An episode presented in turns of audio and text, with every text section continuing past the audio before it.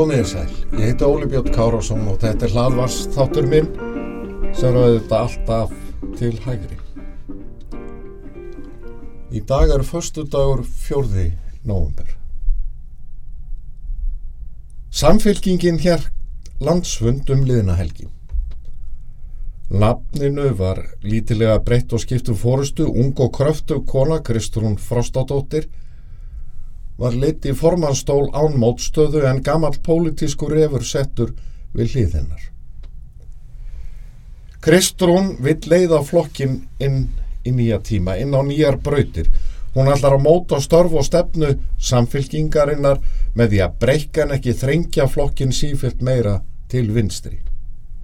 Annað helsta stefnumálið nýja stjórnarskráin verður sett á hauga sögunar og kannski komin tími til og eina laust samfylkingarinnar í efnahagsmálum, það er aðild Íslands að Evrópussambandinu, verður látin upp í hillu til að safna reiki. Verkefnið er ekki auðvelt og öll innan flokksins munu leggja steina í götur hins nýja formans. Það liðu að minnstakost ekki margir klukkutímar frá kjöri Kristrúnar þánga til þingflokksformaður samfylkingarinnar gerði ofinberlega ágreining við hana. Að þessu leiti lofar byrjunin ekki góð. Fundi vart lokið og nýr formaður komin í mótvind innan eigin flokks. Ég er hins vegar samfærður um að Kristrún hafi alla börði til að kljást við þá sem vilja að samfylkingin haldi áfram í hlutverki rjúpunar sem rempist við stöðrin. Hún hefur sínt hæfileika sína á stuttum stjórnmálaferli. Er hörð í hortna taka en í flestu málefnaleg og hefur ekki tekið þátt í innihalslausum upplöpum og leiksýningum með félögum sínum í stjórnaranstöðunni. Og mér hefur fundist gott að eiga samskipti við hana og samstarf á tingi á þeim mánuðum sem að hún hefur verið þó samstarfið hafi kannski verið takmarkað en það leiðir okkar ekki leið saman í nefndum þingsins. Landsfundir stjórnmálaflokka eru misjafnir. Ekki verður sagt með réttu að landsfundur samfélkingarinnar hafi vakið mikla aðtigli þó það hafi ekki farið fram hjá mörgum að nýr formaður hefur tekið völdin. En það hafa margir vitað í margar vikur. Og ekki kvektu málefnin áhuga fjölmiðla. Þannig náði fundurinn rétt að gára hið pólitíska vatn í nokkara klukkutíma. Framtíðin leiður í ljós hvort Kristrúnu tekst að marka spori í söguna sem fennir ekki yfir.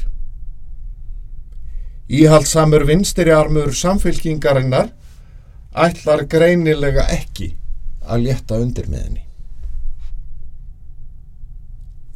Landsfundir sjálfstæðisflokksins eru og hafa aldrei verið haldnir til að gára vatnið í stuttastund. Heldur til að móta stefnu upplugasta stjórnmálaflokks landsins. Og í dag, förstu daginn 4. november, verður landsfundur sjálfstæðisflokksins settur. Það er einhver ólýsandi kraftur sem leysist úr læðingi þegar að sjálfstæðismenn allstaðar af að landinu koma saman. Ég hef líst landsfundi sem suðupotti hugmynda og hugssjóna. Anstæðingar flokksins hafa aldrei skilið hvernig tekist hefur að búa til vettvang þar sem samkeppni hugmynda blómstrar með skoðanaskiptum þar sem tekist er á um einstök mála festu jáfnvel hörku en að hrinskilni. Áttast ekki á að styrkur sjálfstæðisflokksins fælst í dagskrárvaldi almennra flokksmanna. Fyrir marga er það óskiljanlegt af hverju okkur sjálfstæðismönnum tekið fátt leiðinlegra í pólitísku starfi en loggmodla og hugssjónaleysi. Ég lakka því til landsfundarins. Þar hitti ég samherja til að eiga með þeim glada daga. Og ég veit að við munum takast á um menn og málefni lítul og stór. Við vitum að stjórnmálaflokkur sem forðast umræður, fjölbreyttar skoðanir og nýjar hugmyndir er ekki og verður aldrei líklegur til stórraða. Sjálfstæðisflokkurinn byggir á frjálslindri íhjálpstemnu og rótækri markasíkju með áherslu á frelsi einstaklingsins, jafnbræði og opna stjórnsýslu, valdreifingu og upplýsingafrelsi. Öflut og skilvirt velferðarkerfi og fullveldi þjóðarinnar. Við sem höfum skipað okkur undir merki sjálfstæðisflokksins erum ekki steft í sama mót. Bakgrunnur okkar er misjafn Við höfum ólíkar skoðanir á einstökum málum en öll saminumst við í grunn hugssjóninni um frelsi einstaklingsins í trúni á að samfélaginu farnist best þegar einstaklingurinn fær að njóta eigin dugnaður að hver og einn fái að vera hann sjálfur. Að allir séu jafnir fyrir lögum og njóti jafnra tækifæra í lífinu. Í frelsinu fælst ábyrð og umhyggja fyrir náunganum. Að þessu sinni markast landsfundurinn verulega af því að tekist verður á um formensku í sjálfstæðisfloknum. Ég get haft mína skoðanir á tímasetningum en þær skoðanir skipta litlu úr því sem komið er. Allir sjálfstæðismenn innan og utan þings eða rétt á því að skora sitjandi fórustu á holm. Sá réttur er samofinn og órjúvanlegur hluti hugssjón okkar.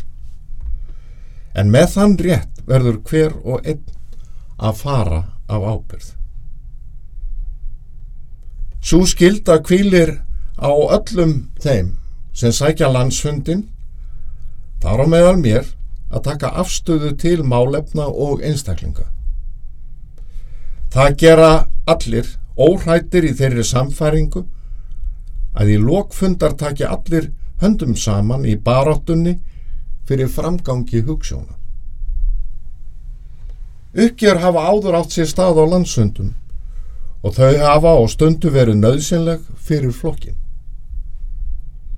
Þegar tekist er á af heiðarleika og án undirmála getur bara átt að um fórustu hlutverk virkað sem vítamin.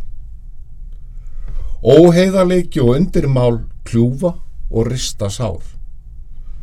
Og þar bera stuðningsmenn ekki síðri ábyrð en þeir sem í frambóti eru. Engum treysti ég betur en Bjarnabeneditt sinni til að reyðja brautina fyrir hugssjónir okkar sjálfstæðismanna. Undir fórustu bjarnar hefur sjálfstæðisflokkurum verið leiðandi afl í íslenskum stjórnmálum allt frá 2013. Og þar hafa verkin svo sannarlega talað. Kaupmátt og ráðstöfunatekna hefur hækkað um 39%. Tekjuskattur og þá fyrst og síðast herra sem lægstu launin hafa hefur lækkað verulega. Almennum vörugjöldum var hend út í hafsögu og skuldir heimilana hafa lækka hressilega sem hlutvall af lands framlegslu. Erlend staða þjóðabúsins hefur batnað á ævintýralegan hátt. Árið 2012 var hrein eignarstaða þjóðabúsins neikvæð um 446 miljardar en nú jákvæð um 24. Um 32.000 ný störf hafa orðið til í engageranum þrátt fyrir heimsfaraldur. Og dreyið hefur úr efnislegum skorti, útflutningsgreinar hafa vaksið og verðmætasköpun stóraukist og þannig má lengi telja. Sem sagt, lífskjör almennings hafa aldrei verið betri en nú. Með hugssjónum sjálfstæðistefnunar hefur tekist að byggja upp tröstan grunn undir velferð og um leið skapa tækifæri til frekari sóknar.